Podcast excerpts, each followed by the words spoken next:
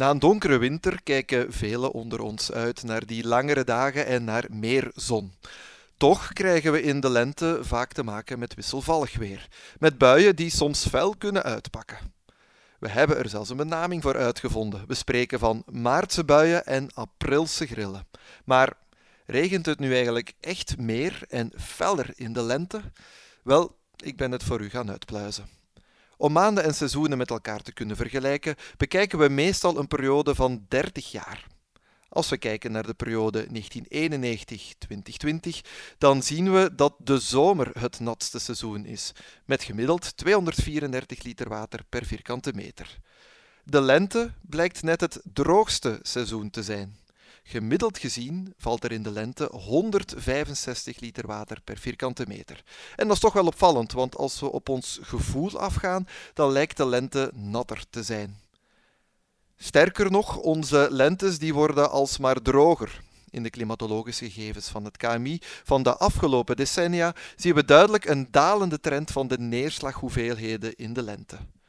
Voor het waarnemingspunt in Ukkel bijvoorbeeld gaat het om een afname van 4% per decennium sinds 1961.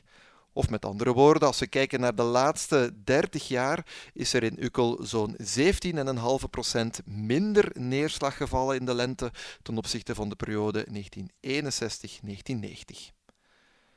Storingen en ook buien die brengen in het voorjaar dus steeds minder water in de ton. Maar toch merken we dat wanneer we naar de voorjaarsbuien kijken, de intensiteit van die maartse buien en aprilse grillen toeneemt. De buien worden dus feller.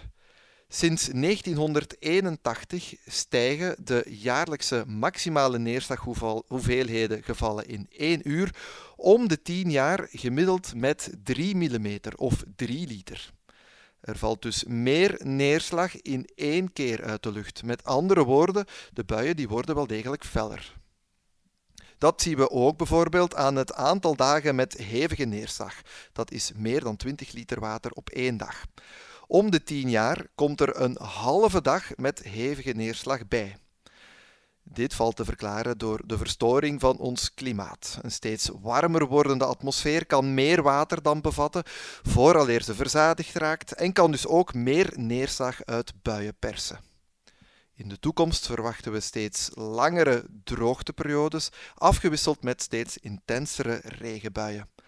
Samengevat kunnen we dus zeggen dat de typische voorjaarsbuien alsmaar intenser worden, maar de hoeveelheid neerslag die ze in totaal meebrengen, die neemt af.